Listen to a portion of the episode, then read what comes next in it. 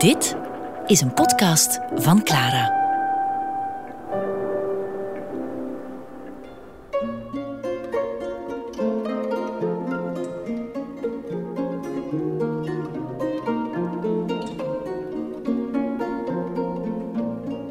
Een Italiaanse reis.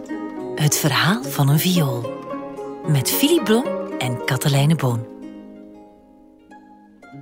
Je van jongs af aan met muziek bezig bent geweest, dan is muziek ook een onlosmakelijk deel van je leven geworden. Zelf heb ik bijvoorbeeld altijd gezongen. Als kind, als puber, als jong meisje dat verliefd werd, als jonge vrouw, als moeder. En dan merk je dat die muziek en het beoefenen van de muziek helemaal verknoopt is geraakt met je leven en je onmiddellijk kan terugvoeren naar gevoelens die je had, naar uh, gebeurtenissen. En dat is voor Philip Blom ook zo.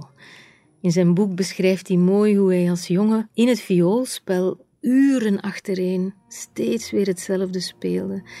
Een plek waar hij zichzelf kon ontwikkelen, maar later ook een plek waar hij in verbinding kon komen met andere mensen. Onder andere bijvoorbeeld door te gaan spelen in een jeugdorkest.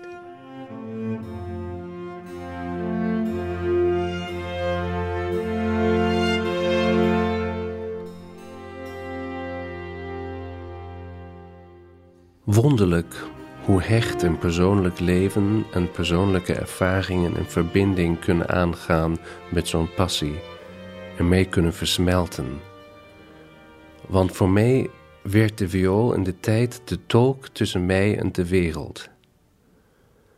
Als familiaire of andere dingen mij te veel werden, speelde ik Bach uren achtereen, steeds weer dezelfde structuren, dezelfde reeks akkoorden, die zich nooit helemaal, nooit echt moeiteloos onder mijn vingers wilden voegen. Een uitdaging die al mijn concentratie opeiste, een oefening, een discipline, een tijdstroom, een focus. Een moment van vorm en schoonheid en tegelijkertijd ook steeds een moment van mislukking jegens mijn eigen ambities volgende keer beter. En door dat alles in volledig me afwenden van andere problemen. Slechts enkele jaren later wordt de viool mijn bevrijding. Maar dat gebeurde pas toen ik lid was geworden van een jeugdorkest en voor het eerst in mijn leven voelde dat ik door leeftijdsgenoten omringd word die voor soortgelijke dingen in vuur en vlam raakten als ik die eenzelfde soort gesprekken wilden voeren en voor wie ik niet hoefde te doen alsof ik in voetbal geïnteresseerd was. Maar het meest fantastische was het feit dat velen van hun meisjes waren, met die ik in het orkest een lessenaar kon delen, zo vlak bij hun zitten dat ik hun adem kon horen en hun geur kon ruiken, geheel geconcentreerd op het gemeenschappelijke, op het spelen, op de dirigent en de vele noten in een moeilijke passage. Geen twijfel mogelijk.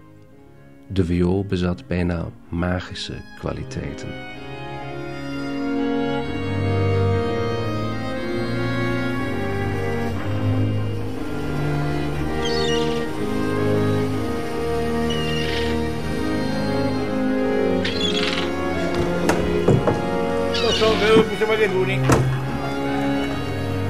Nog een van die magische kwaliteiten van jouw viool is dat ze ons hier in Venetië heeft gebracht.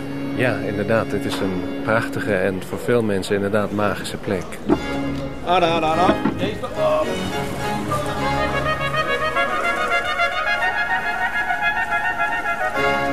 Dura, dura.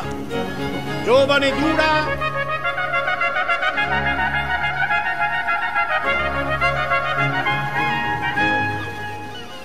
Het is toch echt de mooiste manier om Venetië binnen te komen. Met zo'n watertaxi. Eerst over de lagune en dan via het Canal Grande de stad binnenvaren. Wat een overweldigende aanblik is dat. En ja, als het weer mee zit zoals vandaag, dan kan het uh, alleen maar prachtig zijn. Je ziet dan die palazzo's staan, vaak in heel vervallen toestand die kleine deurtjes dicht tegen het water aan, waarvan de onderkant helemaal vermolmd is en weggevreten. En natuurlijk de ontelbare gondels en gondeliers met daarop vooral Aziaten die lustig uh, foto's maken en selfies. Het is een onvoorstelbare stad. Telkens weer, hoe vaak je er ook geweest bent, het maakt keer op keer weer indruk. We varen nu richting Rialtobrug, want het is daar in de buurt dat de Duitse gemeenschap woonde. We gaan dus het kanaal Grande verlaten en we gaan naar links in een veel kleiner uh, kanaaltje waar, uh, waar het ja, bijna file is. De boten dicht tegen elkaar op uh, proberen een weg te banen naar de plek of de aanlegstijger waar ze willen zijn. St. Mark's Square. Ja, op de house other side, San Marco. There. En ik kan me voorstellen, voor zo'n jongen als Hans, die dagen, zo niet weken heeft gestapt door de Alpen, door de Dolomieten, langs die Italiaanse vlakte tot Venetië, waar hij ook ongetwijfeld een boot moet hebben genomen, anders kon hij hier niet geraken. Wat een indruk dat moet gemaakt hebben op die jongen. Die stad die daar al zoveel eeuwen staat en die heel duidelijk getuigt van, van enorme welvaart en rijkdom, grote paleizen. Dan alleen al dat netwerk van kanaaltjes, die vele boten. Het moet op die jongen een onvoorstelbare indruk hebben nagelaten. Net zoals wij ook nog altijd onder de indruk zijn als we Venetië bezoeken. En ongetwijfeld zullen er wel etsen geweest zijn of tekeningen, maar of Hans die ooit gezien heeft, dat blijft nog maar de vraag. Hey, zo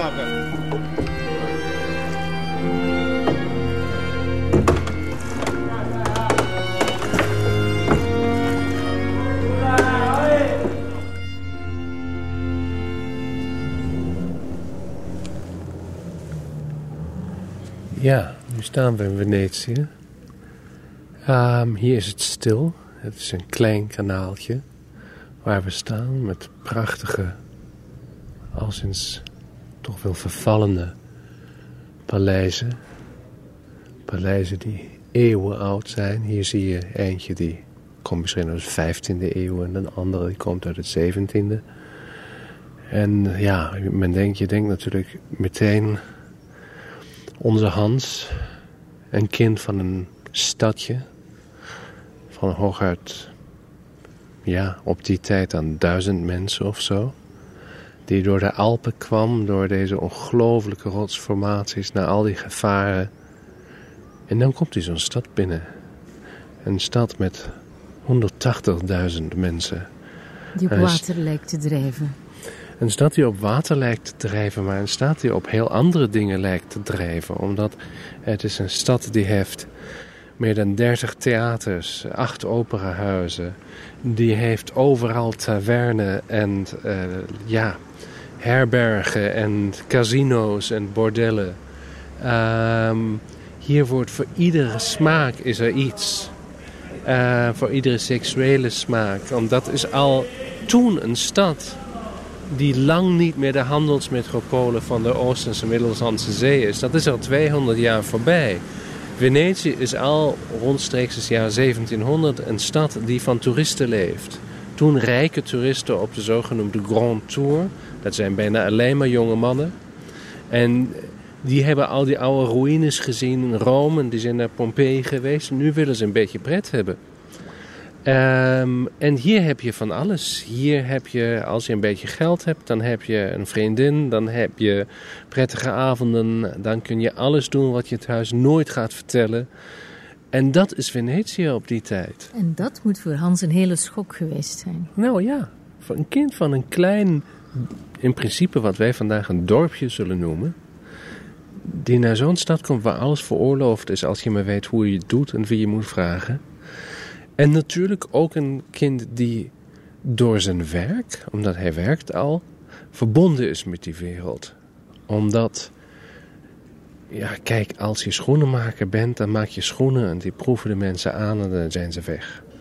Maar als je vioolbouwer bent, dan moet je wel naar die theaters toe om te horen hoe jouw instrumenten klinken. Of een, een, muzikus stuurt een, een, jongetje om tien uur s avonds om te zeggen: mij zijn mijn snaren gebroken. Of ik heb een reparatie, die moet ik nu maken. En dan moet je daar naartoe. Ehm, er komen grote virtuosen, er komen alle mogelijke mensen naar jouw winkel.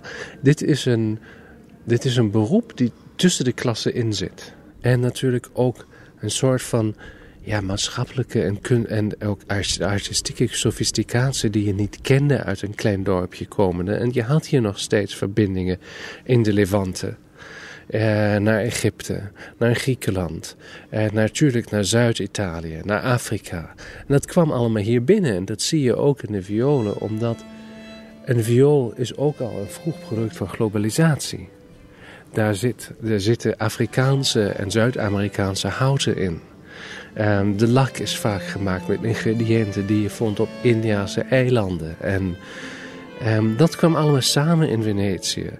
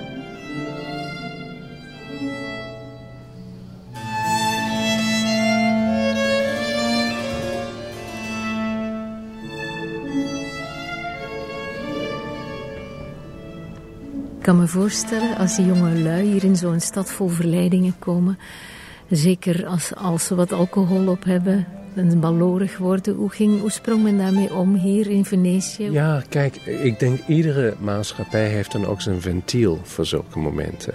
Dus je had bijvoorbeeld eh, feesten hier in Venetië waar, ja, daar had je gewoon ongelooflijk grote vechtpartijen tussen honderden van jonge mannen.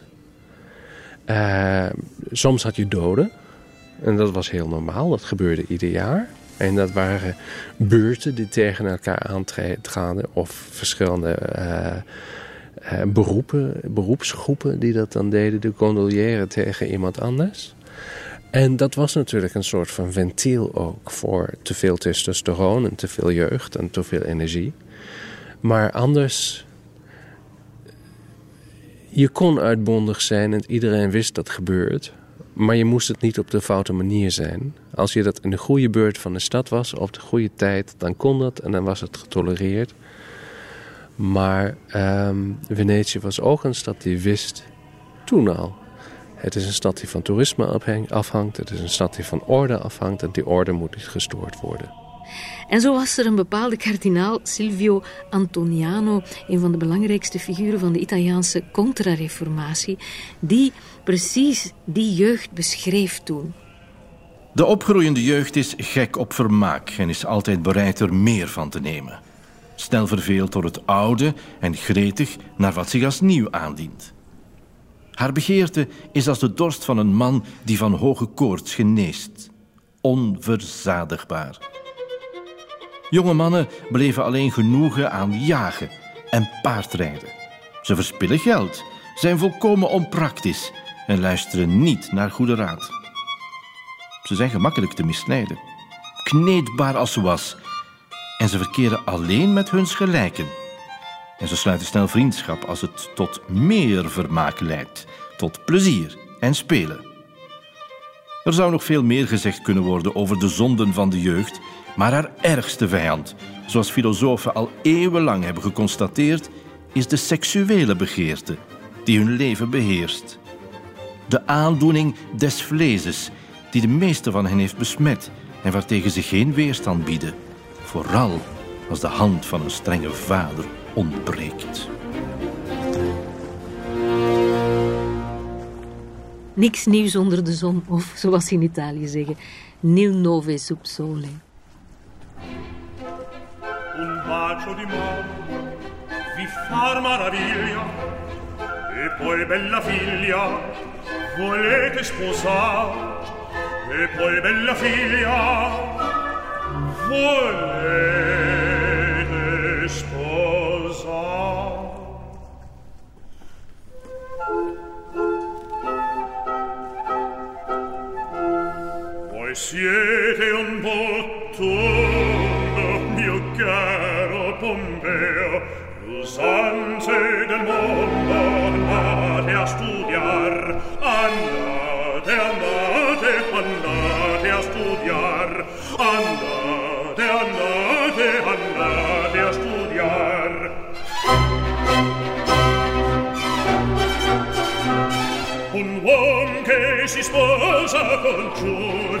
vezzosa a certi capricci depri a rinunciar depri a rinunciar e libere voglie lasciar alla moglie e sempre le porte aperte lasciar. Aperte le porte lasciar aperte le porte lasciar de chiude gli occhi i recchi la bocca se il re sciocchi non vuole sembrar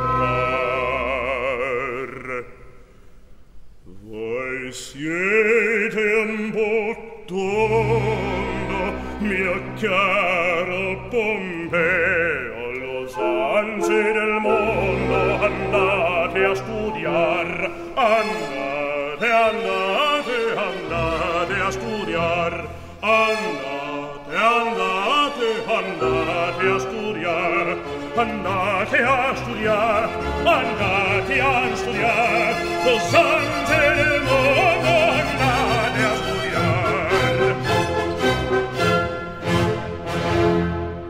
Een Italiaanse reis. Het verhaal van een viool. Met Philip Blom en Katelijne Boon. Mozart is hier ook geweest. Hij was toen ook een jonge knaap, denk ik. eh, Een jongen waarin de hormonen vrij spel hadden. Een beetje zoals Cherubino in Le Nozze di Figaro. Ja, eh, Le Nozze di Figaro is dan ook voor mij een, eigenlijk een heel ehm, goed voorbeeld, omdat de Commedia dell'arte had de Zanni, dus de, de, de, de dienaarsfiguren, de Een beetje personeel. dommige, dommige Duitsers. Ja, maar ook niet alleen maar dommige, maar ook eh, altijd op een eigen voordeel bedacht. Die alles konden doen, eh, voor alles een weg wisten. Witselaars. Figaro. Mhm, ja. Figaro zelf. Ja, tuurlijk. Dat zijn de Zanni. Figaro is de laatste van de Zanni. Die niet echt begrijpt wat er gebeurt. En zonder Susanne eigenlijk helemaal hulpeloos is. Maar dan ook vindt, als jij, signor Contino, mee, met mij wilt spelen, dat kan ik ook. En ik kan ook mijn eigen voordeel trekken uit de situaties. Omdat ik heb geen voordeel van geboorte. En ehm, ik denk, ja, ook daar heeft Mozart's sociale realiteit in Wenen was niet zo ver van dat allemaal weg. En ja, zeker was hij een soort van Cherubino in die tijd. Alhoewel een Cherubino die vreselijk hard piano moest studeren. Ehm, maar ja, als je naar zo'n Hans kijkt, ik denk die had niet de mogelijkheid en de tijd een Cherubino te zijn. Die zat in een werkplaats met zes, zeven, acht andere mensen. Allemaal mannen. Een hele dag. Die slaapten met andere mannen samen op een kamer of zelf in bed. Eh, had weinig toegang tot vrouwen. Ehm, die zag hij op straat. Die vond hij zeker mooi. Misschien vond hij ook mannen mooi, ik weet het niet. Maar, ehm, dus er was weinig plaats voor een privéleven, voor een seksueel leven. Wat, wat, wat leven daar was, dat vond bijna altijd in de presens van andere mensen plaats. Mozart en zijn vader verbleven toen, toen ze hier in Venetië waren, in het huis van een edelman die ook geen onbesproken levenswandel had, een zekere Faletti. Oh, dat wist ik niet. Wel, blijkbaar Mozart en zijn vader waren hier in 1771 en ze zijn toen een hele tijd eh, te gast geweest in de Ca Faletti. Een huis genoemd naar een heel illustere, zelfs beruchte zou ik durven te zeggen, graaf Francesco Faletti Castelman. Nu vergeten, maar in zijn tijd een veelbesproken figuur. Hij maakte deel uit van de Venetiaanse aristocratie, die toen al een beetje in verval was. En eh, werd in 1752, dus lang voor Mozart hij was, ter dood veroordeeld voor seksuele losbandigheid en blasfemie. En die zaak kreeg natuurlijk heel wat rugbaarheid. Dat was ook de reden waarom het huis vele jaren later, toen Mozart er met zijn vader verbleef, nog steeds Faletti werd genoemd. En ze hadden dat huis trouwens uitgekozen omdat het zo goed gelegen was, vlakbij de theaters, waar eh, het beroemdste van die tijd, het San Benedetto Theater, in 1792 eh, omgedoopt werd tot La Fenice. En het is natuurlijk onwaarschijnlijk dat uh, onze Hans Mozart uh, nog moet ontmoet hebben hier. Maar die losbandige graaf Faletti, die heeft misschien wel zijn weg gekruist. Dat zou kunnen, ja, inderdaad. Ja, en dan moeten we natuurlijk denken aan die aria van Cherubino. Voi che sapete che cosa è amor, donne vedete io nel cor. Zoiets. Nu ben ik helemaal van de... Wijs? Ja.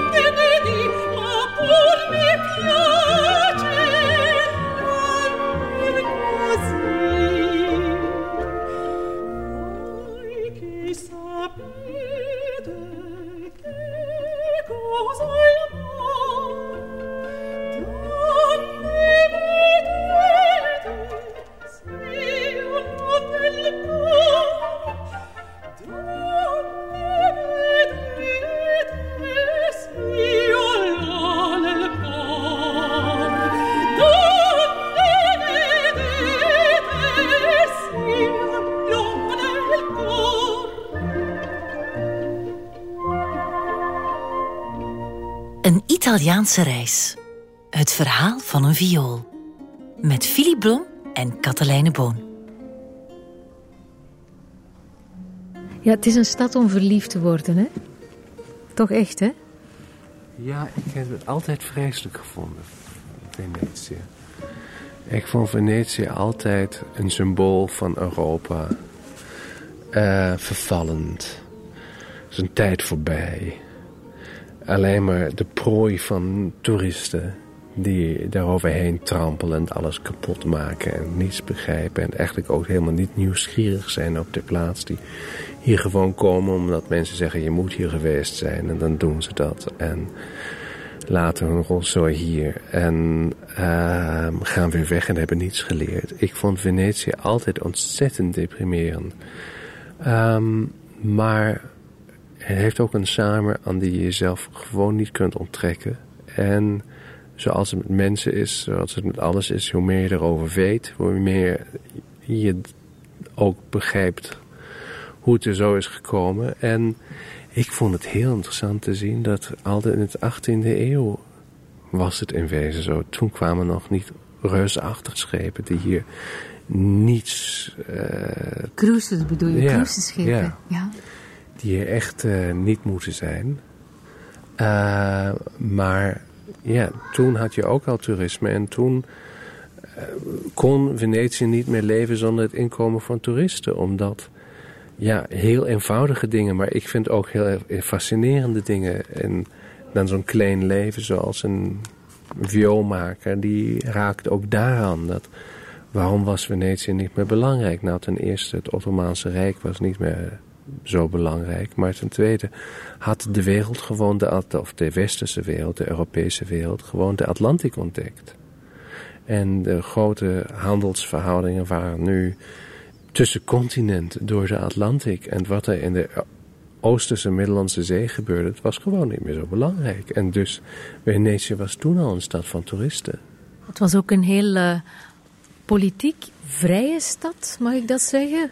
Waren hier toch, werden hier veel pamfletten werden hier verdeeld. Mensen konden hun meningen uiten. Er werd ook uh, politiek nieuws gedeeld. Of was het toch een stad waar mensen op hun tellen moesten passen? Het was een zeer Italiaanse stad. Je kon van alles doen, als je maar wist hoe.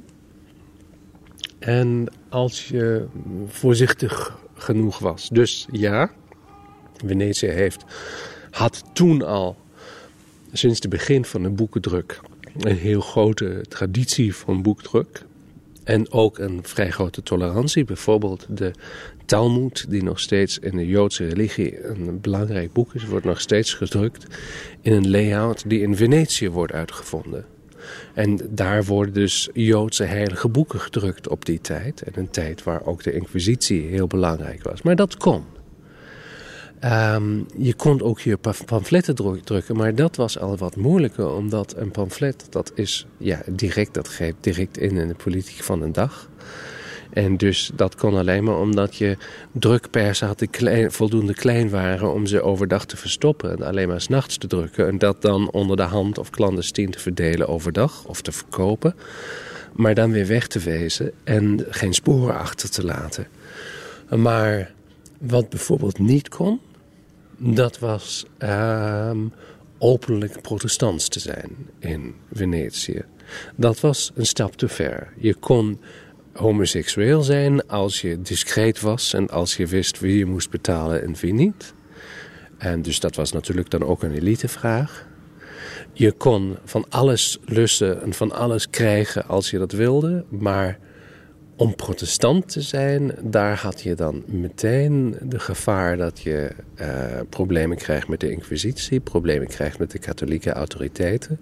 En het was daarom inderdaad ook een heel populair uh, ja, manier om een immigrant uit Duitse landen ja, uh, ja, ook gewoon dus een leven moeilijk te maken. Om naar de priest te gaan en zeggen... ik heb een protestants boek gezien in zijn huis. Ik heb een boek gezien in een taal die ik niet verstond in zijn huis. Ik denk, daar is wat... En dat kon heel ernstig worden van de mensen. En we weten van een... Uh, lid van de beroemde familie Tiefenbrugge uit Fussen... die hier luiten verkochten. Maar die was inderdaad verdacht om protestants te zijn. Of hij was eigenlijk, als wij dat kunnen bekijken... was hij eigenlijk eer, eerder ketter of gewoon een vrijdenker. Omdat hij had zijn vrienden gezegd... ja, dat... Uh, dat olie wat jullie gebruiken voor de olielampen in de kerk, voor het heilige olie, dat zou je eigenlijk veel beter kunnen gebruiken om, om sla te maken. Uh, ik geloof er allemaal niet in. Ik geloof ook niet dat Maria een jonkvrouw was. Dat is flauwkul. En die kreeg massieve problemen met de inquisitie. En die moest verdwijnen. En hij is ook inderdaad verdwenen. En het is blijkbaar dat hij onder een andere naam dan... Uh, van stad naar stad reizend luiten heeft verkocht. Maar hij kon hier niet meer leven. Niet alleen in Brixen, maar ook in Venetië was er de Inquisitie. En die werd in Venetië vertegenwoordigd door een raad van tien die de processen en verhoren organiseerde. En hoewel die raad rond 1718 nog maar drie leden telde en in de tweede helft van die 18e eeuw nog maar één, heeft de kerk er toch alles aan gedaan om haar macht te behouden. En zo is er toch een heel opvallende anekdote over twee jonge mannen die voor het huis van een pauselijke nuntius godslasterlijke liederen hadden gezongen.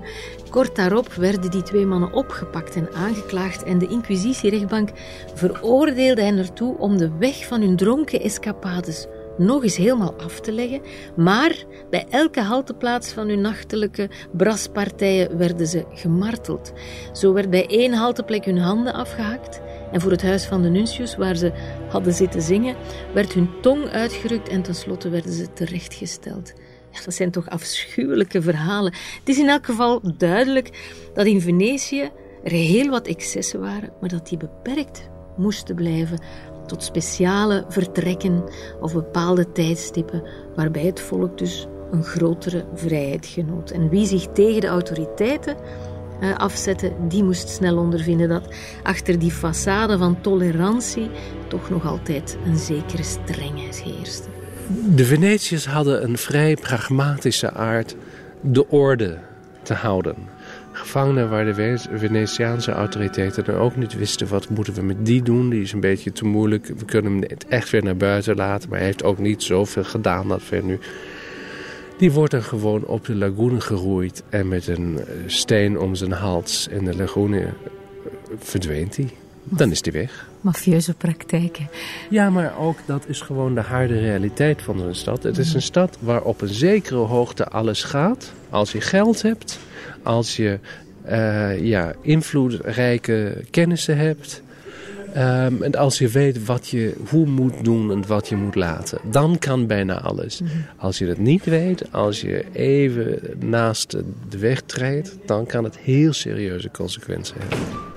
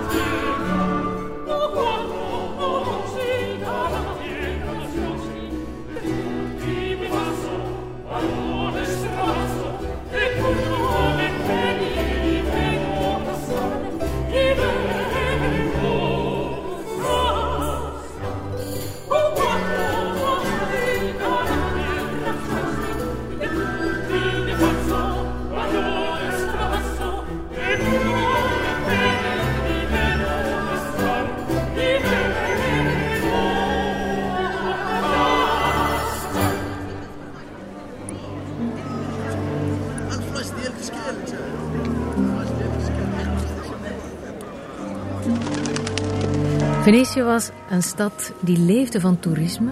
En een goede toerist is altijd gewapend met een gids. Er waren hier in Venetië twee soorten gidsen. Nou, er waren in veel steden twee soorten gidsen. Maar het is in Venetië heel interessant te zien. Omdat toen waren de mensen ongeveer hetzelfde als vandaag. En sommige mensen kwamen hier voor bedelijke uh, redenen. En ze wilden dus van iedere kerk weten wanneer die was gebouwd. En wie welke heilige was. En wie welke schilderij had geschilderd. En wanneer en waarom.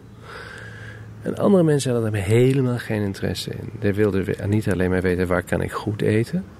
Maar die wilden ook weten in welk bordeel zijn de vrouwen bijzonder goed. En waar moet ik naartoe om een goede tijd te hebben. En dat, dat kon je niet zo direct schrijven. Maar je kon het wel duidelijk maken. Je kon het ook duidelijk maken. En ik heb gehoord, dat is nou echt verschrikkelijk...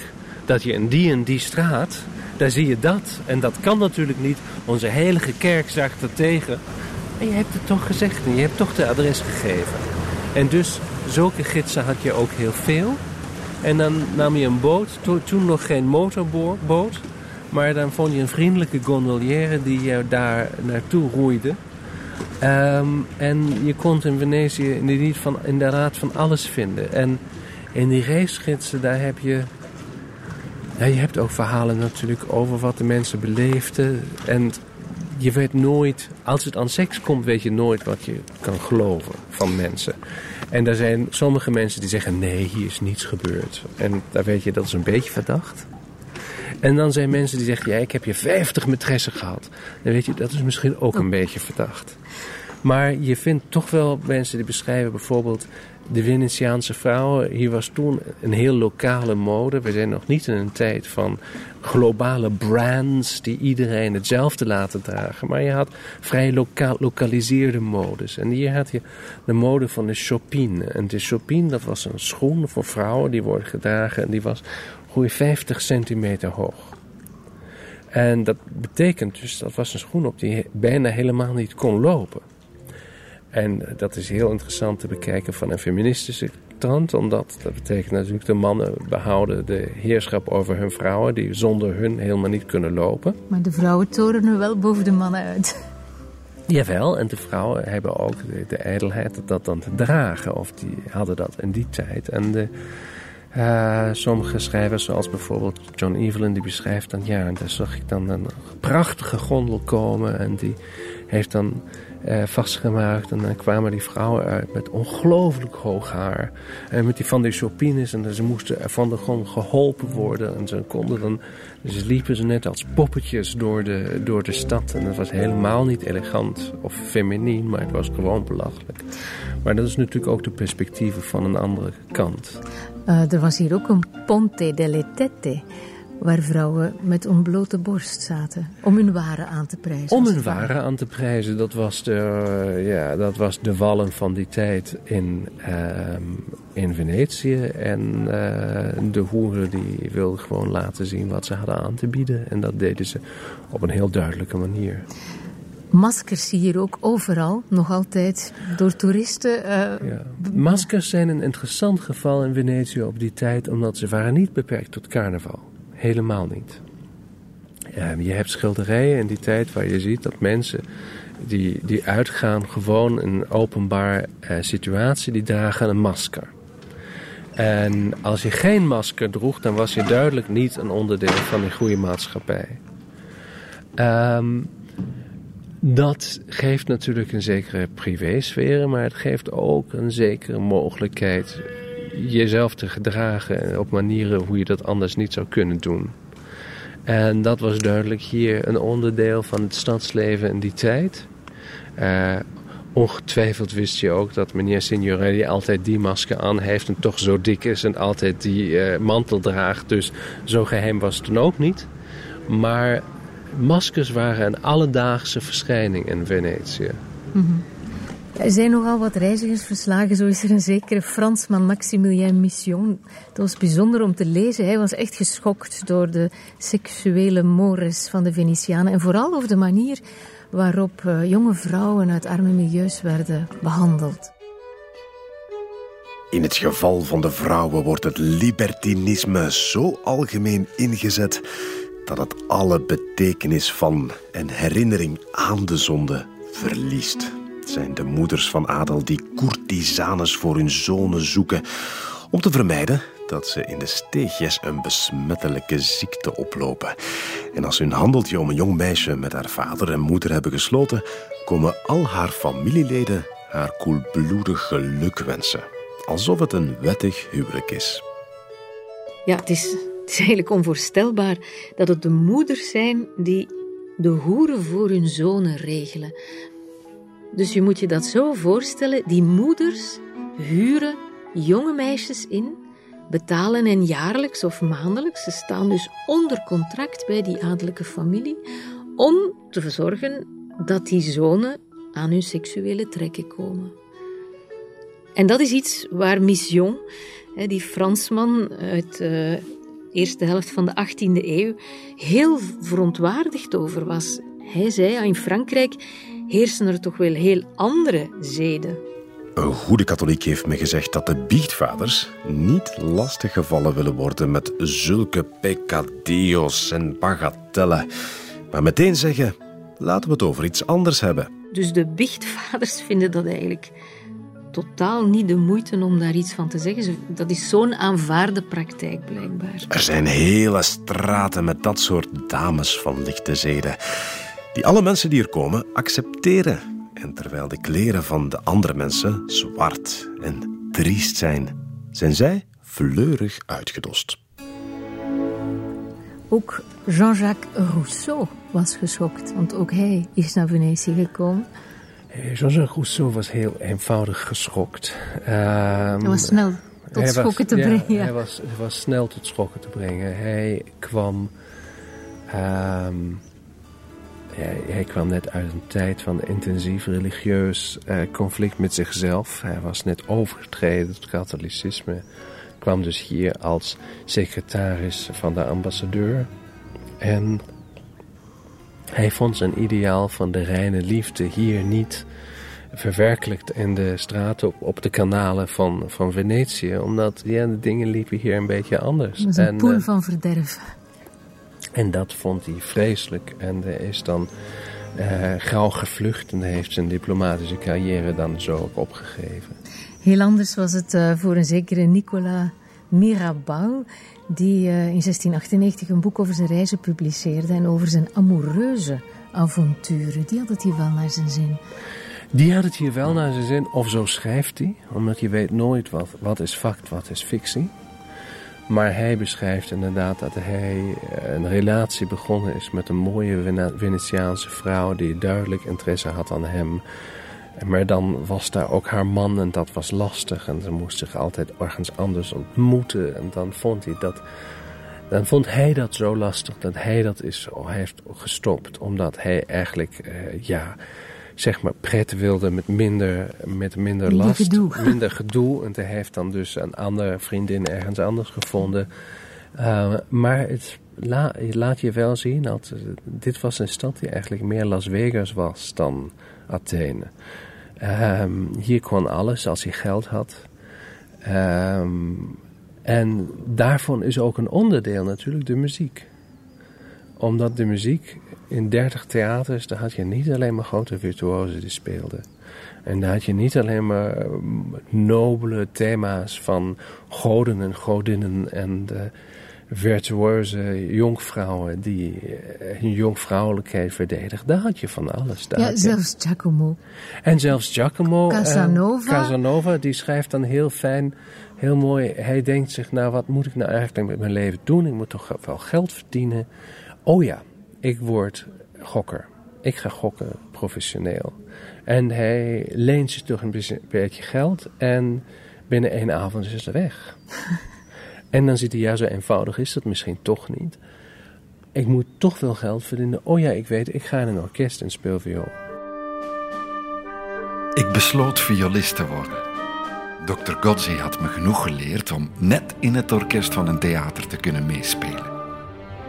Hij bezorgde me meteen een baan in het orkest van zijn theater, de San Samuele, waar ik voor een scudo per dag speelde, genoeg om van te leven. Door mijn vioolspel was ik financieel onafhankelijk. Een baan was niet voornaam, maar dat maakte me niets uit. Ik overwon alle vooroordelen die ik misschien over mezelf had gehad en ik nam de stijl van mijn collega's over. Na de uitvoeringen gingen we naar een osteria en kwamen altijd dronken naar buiten en brachten de nacht door in dubieuze etablissementen. Als die al vol bleken te zijn, gooiden we de gasten er gewoon uit en beroofden de arme vrouwen die onze grofheid moesten vertragen van hun magere inkomen. En neemt enkele vioollessen, zoals hij zegt. En dan begint hij in een orkest, in een professioneel orkest hier te spelen. Dat geeft je een beetje een idee dat of Casanova was de grootste muzikale genie van de westerse geschiedenis, of je weet hoe zijn orkest ook moest hebben geklonken. Als er mensen zaten die bijna hun instrumenten niet konden houden. Het zegt wel iets over het muzikale leven in de stad. Ja, in de minder prestigieuze theaters, dat moet vrees, dat was gewoon een spektakel. Je had mensen in volslagen exotische kostuums op de scène. Je had ongelooflijke uh, mechanieke attracties op de bühne. Je had goden die konden vliegen en vuurwerken op toneel. En uh, verwandelingen die spectaculair waren. En we, mogen aannemen, denk ik, dat de plot echt nergens opsloeg. En dat het, uh, dat het gewoon nonsensverhalen waren. Alleen maar om alle effecten te laten zien die ze konden laten zien in dat theater. En dat orkest, dat was ja, dan ook van die kwaliteit. de muziek was misschien niet altijd van zo'n hoog niveau, maar ze was wel overal aanwezig. Ook in die kleine kamertjes waar mensen zich terugtrokken, de ridotti. En ook op straat. Ze waren overal aanwezig en daar speelde de viool dan gewoon echt een centrale rol. Gewoon omdat ze draagbaar is, transportabel is, van alle soorten en stijlen van muziek kan maken. En je kunt daarbij voor dans spelen, je kunt voor een satirisch liedje spelen, je kunt uh, aan een straathoek staan en uh, bedelen. En je kan ook in een groot theater een virtuoos concert spelen. Je kunt in een kerk en een orkest zitten. Alles is mogelijk. En die orkesten die hadden hier ook best wel een belangrijke functie, omdat... Um, ja, kijk, iedere maatschappij heeft dezelfde problemen. En in Venetië had, had je het probleem in een heel hiërarchische maatschappij. Wat doe je met jonge vrouwen die uit een zogenoemde goede familie komen, maar wiens ouders of dood zijn, of gewoon sociaal flink afgevallen zijn en niet meer op hun rang staan. Uh, de dochters niet meer kunnen uh, of voeden of zeker niet trouwen, omdat ze kunnen geen geld opbrengen voor een trouwing, wat altijd de verantwoording van, van, de, van de ouders van het meisje was. De bruidschap. Van de bruid. Ja, de bruidschap.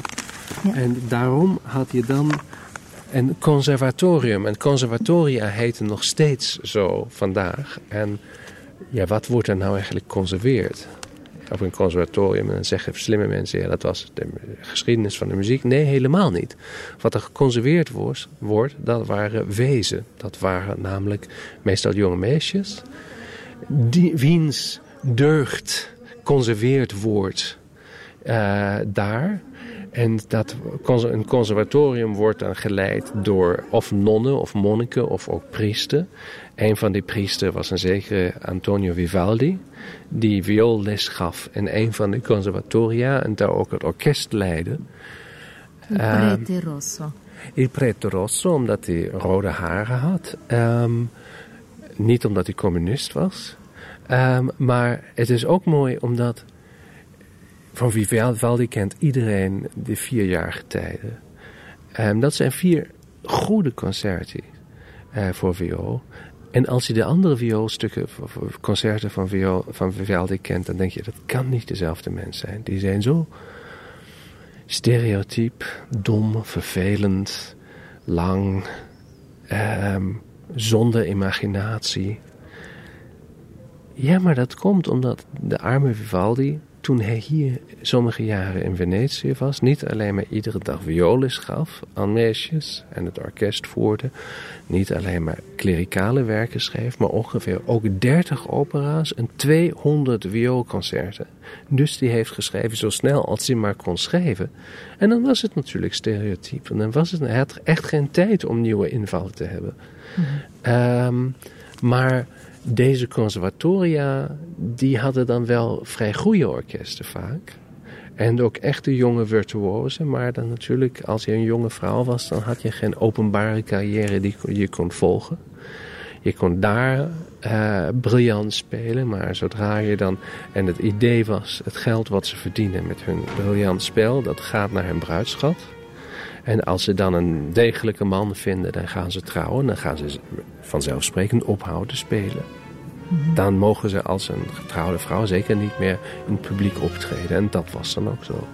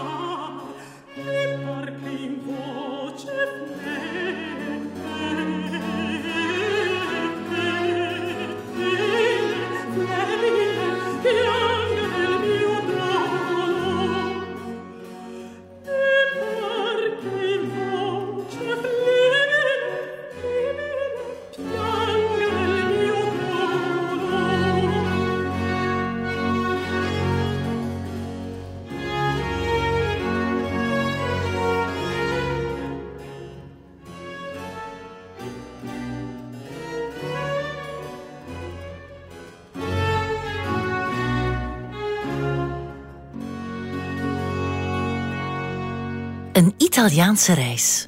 Het verhaal van een viool. Met Philip Blom en Katelijne Boon. Ik heb in Venetië een aantal gevechten tussen stieren en honden gezien. En ook een soort vuistgevecht dat zijn weerga niet kent en dat hier elk jaar wordt gehouden. Het is duidelijk dat Venetië een stad van scherpe contrasten was. En ook Mirabal, die nogthans meer belangstelling had voor de feesten en de rituelen van de elite en onder andere ook met heel veel bewondering schrijft over het huwelijk van de dogen met de zee, die beroemde plechtigheid die op een reusachtige vergulde boot werd voltrokken in de lagune. Ook hij schrijft met afschuw over de manier waarop het gewone volk zich vermaakte. De stad wordt in twee delen verdeeld. Dat van de Castellani en dat van de Nicolotti.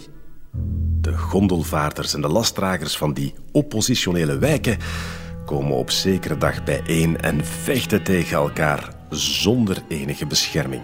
Ze vechten zonder wapens, maar vreselijk woest, alsof ze elkaar te lijf gaan om een heel land. Nadat ze elkaar zo verscheurd, verwurgd en geslagen hebben, pakken ze elkaar vast en storten zich in zee. Ze hebben herauten die oproepen tot de strijd en rechters die over de overwinning beslissen. En het is niet moeilijk te begrijpen dat dat spektakel niet erg ontspannend is voor mensen met gezond verstand. Maar het volk, het volk ziet het als een aangenaam verzetje en de republiek gaat ermee akkoord en gelast het zelfs. Door die politiek houdt ze de bevolking verdeeld. En het is die verdeling waar ze zich mee bezighoudt en die voorkomt dat het volk vereend raakt, in een opstand komt tegen de regering om die af te zetten. Ja, dit is een, een, een, wereld die we eigenlijk niet kennen en die in schril contrast staat met de palazzo's waar een heel andere sfeer heerst, of de theaters waar mensen naar uh, schoonheid en naar muziek konden gaan luisteren.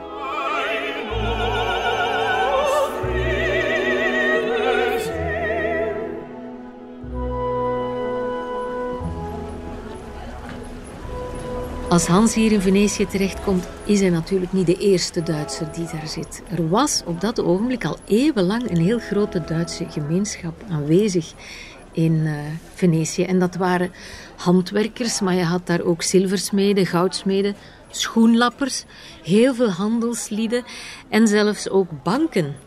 Um, en bovendien werd de stad ook regelmatig bezocht door mensen van Duitse achtergrond.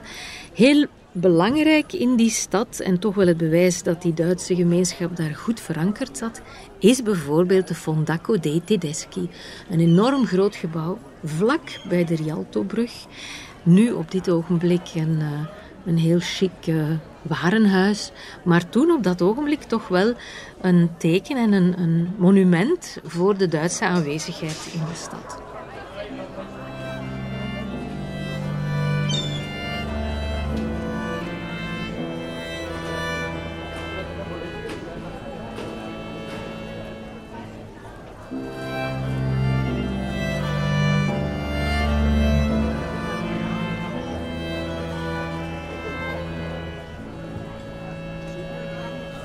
Ondertussen is de avond gevallen en mooi dat je de lichtjes van de ramen weerspiegeld ziet in het water.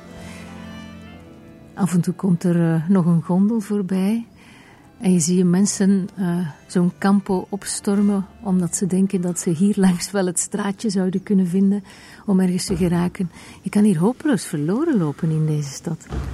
Het is een labyrint en uh, je kunt je voorstellen hoe het voor een jonge man was die hier van ergens aankwam en die weken of maanden nodig had om te weten als zijn meester hem weggestuurd heeft met een instrument of een snaar en zegt breng die daar naartoe hoe dat nou echt mogelijk was. Omdat dan is er een kanaal tussen en uh, als je geen brug vindt, dan heb je een echt probleem. We hebben Hans ondertussen herdoopt in een uh. Maar waren er ook echte zouanis hier, vioolbouwers? Ja, um, dat is een gek verhaal. Um, Hans heb ik dus uitgevonden. Hans is de naam die ik die mens gegeven heb, die mijn viool heeft gebouwd. Maar er was inderdaad op de juiste periode een viool maken hier met de mooie naam Zoan Kurci. En we weten van Zoan Kurci van een document dat die wacht inderdaad in Fussen was geboren. En toen heette die Hans Kurz. En Hans Kurz, dat kon niet in Venetië, dus wordt Hans Kurz Zoan Kurci. En het probleem is, van Zoan Kurci bestaat geen één viool meer. We weten alleen maar dat hij heeft bestaan en dat hij vioolbouwer was uit de documenten van de gilde waar hij betaalde. En we weten van hoeveel hij betaalde dat hij een vrij succesvolle vioolbouwer was. Want je had verschillende soorten gildes. Je had er voor succesvolle en minder succesvolle. Ja, je had eentje die duur was en prestigieus. En eentje die goedkoop was en wat minder prestigieus was. Van alle mensen die binnen zaten. Maar de dure was alleen maar voor de hele ambachtsleden. En hij was de, de onderdeel van de duurdere. Hij moet dus een goedgaand uh, atelier hebben gehad. Um, maar dan ook weer um, een andere opmerking over hem die we hebben. En dat is zo, als je dan historisch werk doet op deze manier, je kunt niet alles uitvinden. Je moet gaan op wat je inderdaad vindt. En wat we van Zoan Kortje weten is bijvoorbeeld dat een barbier, die wordt voor de rechter gebracht. Omdat hij niet alleen maar mensen de baard snijdt, maar ook instrumenten verkocht. Als bijverdiensten. Ja, en dat vinden de mensen in de gilde niet fair. En die, die zijn dus heel bezig hun eigen interesse te, te uh, beschutten. En hij wordt dus hij wordt, uh, klaaggebracht tegen hem. En hij zegt in de, in de, uh, in de procès-verbal die hij heeft voor de rechter, zegt ja, nee, dat is helemaal niet zo. Ik heb alleen maar mijn, mijn gasten wel een beetje entertainment geven, omdat de, de, het atelier van Zoan Kortsi daar dichtbij is, waren er altijd violen van hem. Daar konden mensen op spelen en er muzikus konden spelen als zij daar zaten om op wachten te barbier te worden. En daar krijg je dus, dus als Kortsi eigenlijk heeft, heeft gewerkt voor mensen die op straat viool spelen en voor een barbier, dan was hij misschien toch niet zo hoog in de sociale schaal. Maar op de andere kant, Matteo Goffrilla, de grote Matteo Goffrilla, heeft de meeste van zijn contracten ondertekend in een herberg die uh, niet zo ver weg was. Dus uh, die had zeker ook een ander en grappiger leven dan je denkt als je de hele dag in het atelier zit. Maar ik ben dus teruggegaan om Zoran Kortsi te vinden. Omdat ik denk, dacht als die in Fussen is geboren, dan zou er vast wel in het doopregister van Fussen de naam Hans Korts in een goede tijd, dus 1651, weten we dat hij geboren was, um, verschijnen. En nou wordt het om echt ingewikkeld, omdat er is een Hans Korts in die tijd. Maar die heeft al kinderen. Dat is de vader van een familie. En die heeft zes kinderen die er gedoopt worden. Die heten allemaal niet Hans. Maar er is ook een periode van zeven jaar waar hij geen kinderen laat dopen. En daar zijn dus duidelijk drie mogelijkheden. Of het was een ontzettend slecht huwelijk. En ze hebben gewoon niet met elkaar geslapen. Niet zo waarschijnlijk. Of alle kinderen zijn al dood voordat ze worden gedoopt. Maar over zeven jaar is dat ook niet zo waarschijnlijk. Of ze hebben in die tijd ergens anders gewerkt. En dat is net die tijd in die Hans Koorts moet zijn geboren. En omdat de vader Johannes heet, is het heel mogelijk dat hij een zoontje had die Hans liet dopen, maar 10 kilometer weg, 20 kilometer weg. En um, zo kon ik Hans Koorts dan net niet bereiken. Maar er is natuurlijk een leuk verhaal. Je, je bent maanden bezig met een jongen die Hans heet, die in Venetië terugkomt. En dan vind je, er was een Hans. Die was inderdaad uit Fussen, uit de goede tijd. En die heeft inderdaad violen gebouwd. Is deze viool de enige Hans Koorts in de wereld? Nou, ik zou het nooit weten. Omdat als de enige viool is, dan heb je geen mogelijkheid ze te identificeren.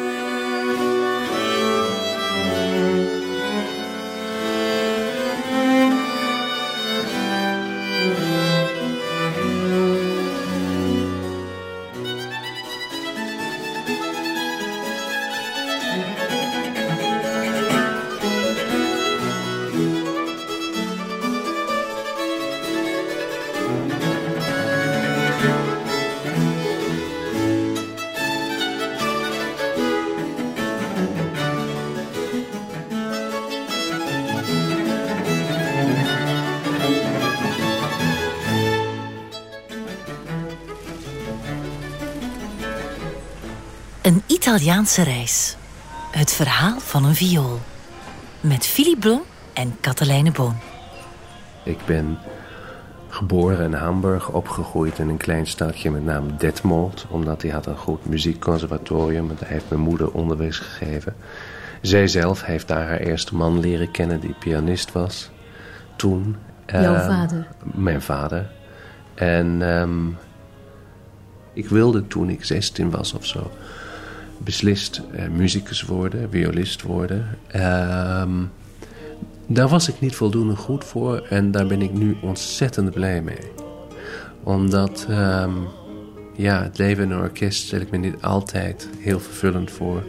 En als je het dan haalt solist te worden, ja, dan ben je 30 weken per jaar of zo niet thuis. Uh, reist rond. Je bent nooit zo goed als je eigen laatste opname. Je bent nooit zo goed als de mooiere, meer sexy, tien jaar, twintig jaar jongeren die naar je komen. Die dat ook allemaal kunnen spelen, prima. Je vecht altijd tegen jezelf, tegen je zenuwen, tegen je jetlag. Tegen, um, en een persoonlijk leven is dan ook niet zo eenvoudig te, vol te houden. Uh, een huwelijk, een familie, et.